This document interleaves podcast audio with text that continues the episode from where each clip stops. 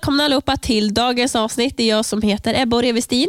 Och det är jag som heter Hedda Kruxaholm Granat och det här är Spara Ungt-podden. Och idag är det avsnitt sex. Så kul. Ja, så himla kul att vi är tillbaka med ett nytt avsnitt. Och Ebba är på så bra humör idag. Jag är så glad. Ja. Eh, och Jag har en fråga till dig. En fråga? Ja. Okej. Kan Beskriv ditt drömdjur med färg, eh, vilket djur det är och en superkraft. Mitt drömdjur? Ja. Okej. Eh, alltså som jag vill äga? Eller alltså ja, bara ett som djur? du skulle vilja ha. Oj. ehm, en fluffig kossa. Vad ska du göra? Vad ska du med superkraft? um, sliga. Okej. Var det färg också? Ja. Brun. Har du inte sett den där? ja, de är jättefina. Okej, mitt skulle vara en ljusblå hund som, En eh, ljusblå hund. ja, som Okej. ger mig jättebra råd i livet. Typ en psykologhund. eller? Ja. Finns det inte det? Jo men typ, jag ska köpa min sån.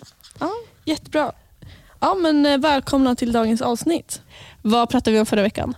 Men det var, förra avsnittet handlade om hur man handlar aktier i fonder. Och ISK och AF och sånt. Ja, och det här det lite. avsnittet ska handla om, Kort och långtidssparande. men även till exempel vad en buffert är och hur man handlar fonder i praktiken. Ja.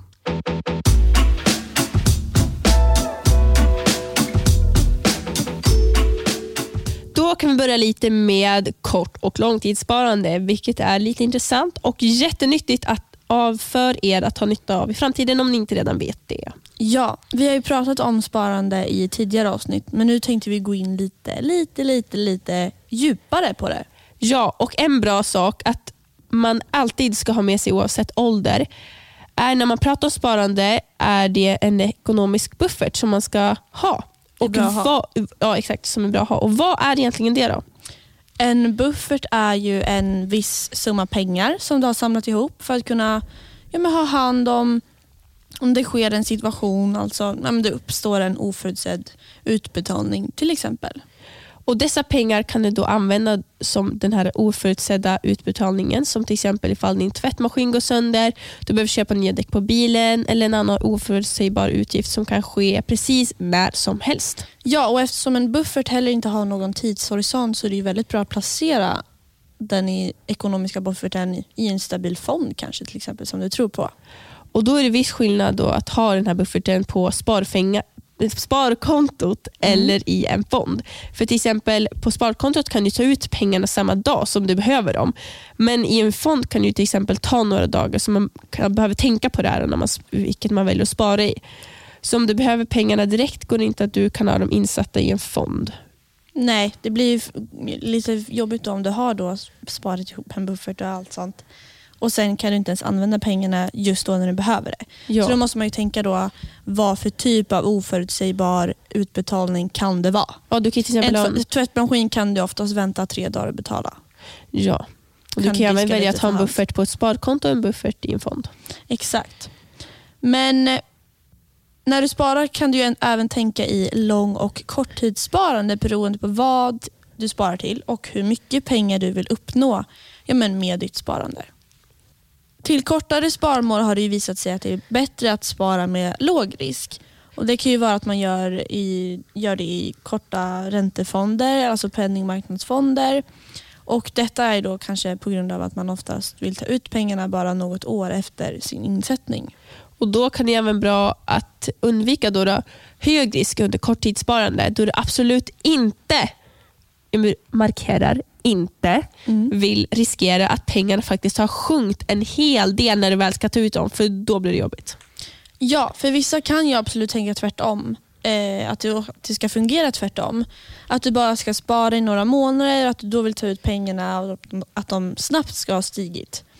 Men det kan ju gå superbra, men det kan ju även gå superdåligt en viss period. Då, det är, och då är det ju ditt eget ansvar att läsa på om du, det du investerar i och var beredd på att du kan vara minus när du väl ska ta ut pengarna. Så att, alltså, många fonder och aktier är ju volatilitära. Och Speciellt då om du har en ganska stor summa, då blir ju bara några procent ganska omfattande. Ja, och hög risk kan ju faktiskt då göra dig blind. För att om det bara går bra, då är det verkligen viktigt då, alltså verkligen viktigt att komma ihåg att det kan svänga lite snabbt som det gick bra, som det gick dåligt och du är på ruta ett igen. Ja, Alltså kanske till och med ett steg mindre än vad du hade från början. verkligen. Och vid längre spa- sparmål såsom till ett hus eller kontantinsats då är det kanske bättre med hög risk då du kanske kan få hög avkastning. Men när det kommer till risk så är vi alla människor olika. Det kan vi inte ta ifrån oss Nej. människor. Man brukar ju prata om att personer kan vara riskneutral men även spelglad och riskavert. Och Det betyder att vi ja, men rent psykologiskt har olika syn på vilken risk vi tycker är acceptabelt. Alltså bör var och en fundera ut över vilka risker de kan ta och accepterar när de själv sparar. Ja, och det är även då till exempel är ett tips så att du skriver ner vilken risk du accepterar och när den väl händer så håller du dig i det då till det här målet då, som du har vid risk. Mm. Så att du inte sviker dig själv och det går dåligt utan att du faktiskt håller dig till en plan. Mm.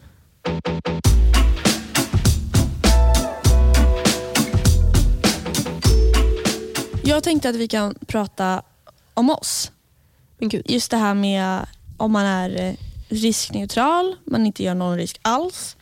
Eller om man kanske är riskvillig. Alltså, ja, men alltså till exempel folk som bettar mycket på spel till exempel, lägger in mycket pengar. Man kan förlora helt eller vinna pengar.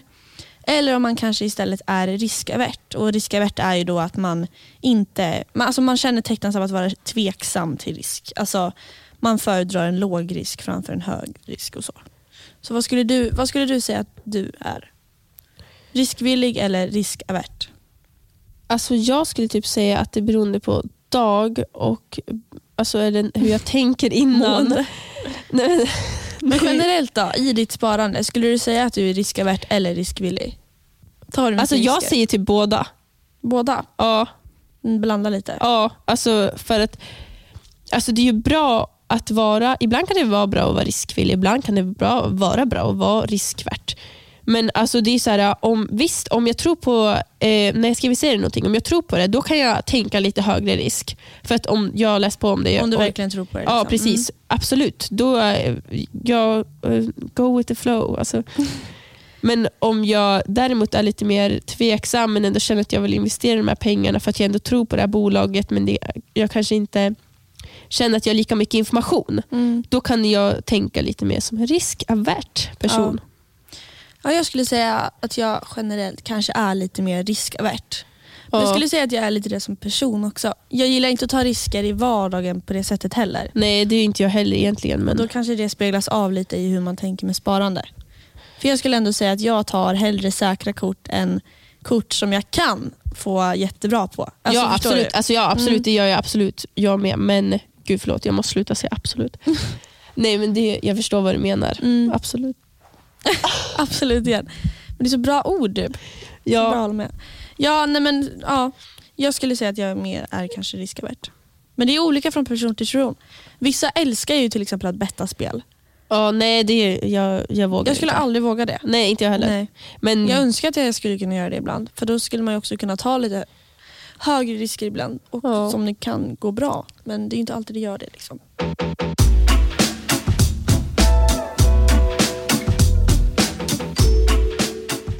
Men tillbaka till det vi pratade om innan. Vi hade värsta diskussionen om om vi är riskvilliga eller riskaverta. Så pratade vi om fonder ja, och risker. Ja, och då kan det ju vara så att vid högre risk går pengarna upp mer i värde då, som vi har nämnt. Men om det går dåligt kan ju även fonderna ha fortfarande tid på sig att vända sig till bättre summor så du behöver inte vara orolig.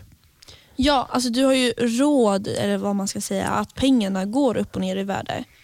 Alltså om det, alltså man ska inte bli rädd bara för att det står rött på ko- kontot kanske. Nej, absolut Men du ska inte. spara den här fonden eller en aktie, vad som helst i tio år.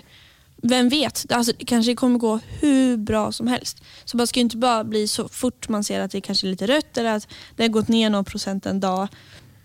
Oftast går det ju kanske upp den procenten nästa dag. Så man ska ju verkligen inte lägga för stor vikt på, på procenten för dag och så. Alltså så här, om man sparar väldigt långsiktigt. Liksom. Men att blanda olika fondtyper är ju en bra idé då du sprider ut risken och får bra avkastning. Men det är ju samtidigt inte den absolut kanske högsta avkastningen. Ja, och som sagt så kommer vi, så att ni förstår mer, prata om olika fondtyper i ett annat avsnitt. Men det är faktiskt värt att nämna, om då vissa kan det här, att då blanda aktiefonder eller långa räntefonder vid bäst avkastning då, då vid längre sparmål. Mm. Och Allmänt när du alltså långtidssparar så får du ju ränta på ränta-effekt. Som vi ska gå vidare på i nästa avsnitt. Och Då är det alltså bäst om du sparar regelbundet och inte du sparar för mycket för att få den bästa effekten. Man brukar även säga att långtidssparande är för fem år och framåt.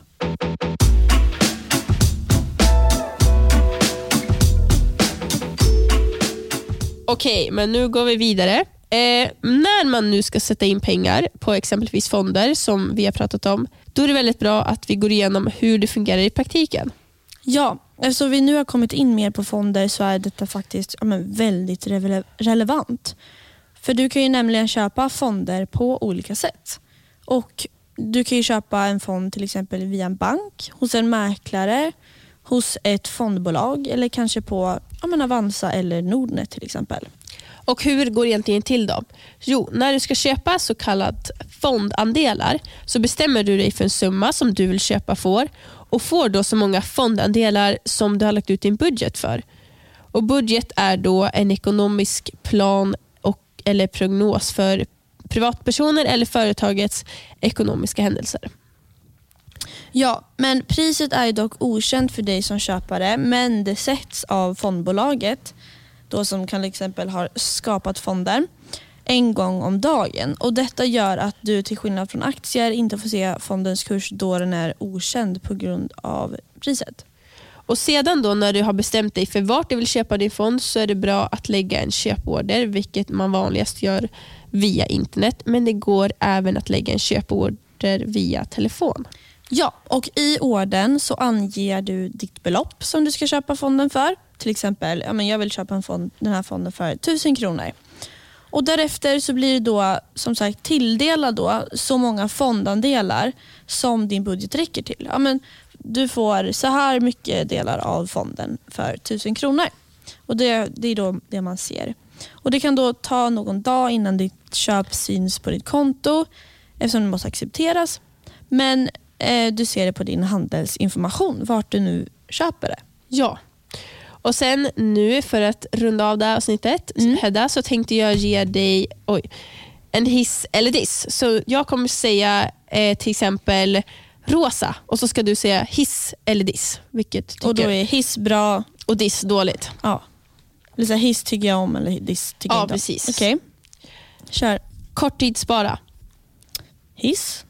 Bara investera med hög risk. Diss. Bara investera med låg risk. Diss. Långtidsspara. Hiss. Månadsspara. Stort hiss. Fondavgift.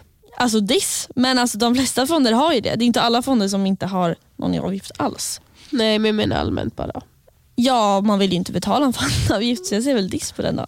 Men sen, måste man ju det typ ändå. Ja.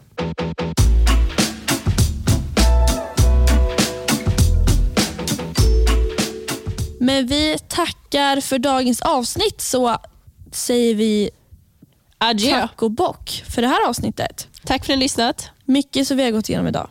Snälla fortsätt ge oss positiv feedback. Ja, det är så kul. Eh, in och ställ frågor på Instagram om ni har något. Bara och kontakta oss eller om ni har någonting ni vill att vi tar upp i podden så skriv det så gör vi det. Ja, så, så kul. Så, så exakt samtidigt. Så kul att ni har lyssnat och fortsätt gärna lyssna. Men så syns vi i nästa avsnitt som kommer vara väldigt roligt. Så kul. Ja. Men ha det bra. Ha en bra kväll, dag, vecka, helg eller vad det nu Ha ett bra dag, liv. när ni nu lyssnar den. Så syns vi i nästa avsnitt. Hej då. Hej då.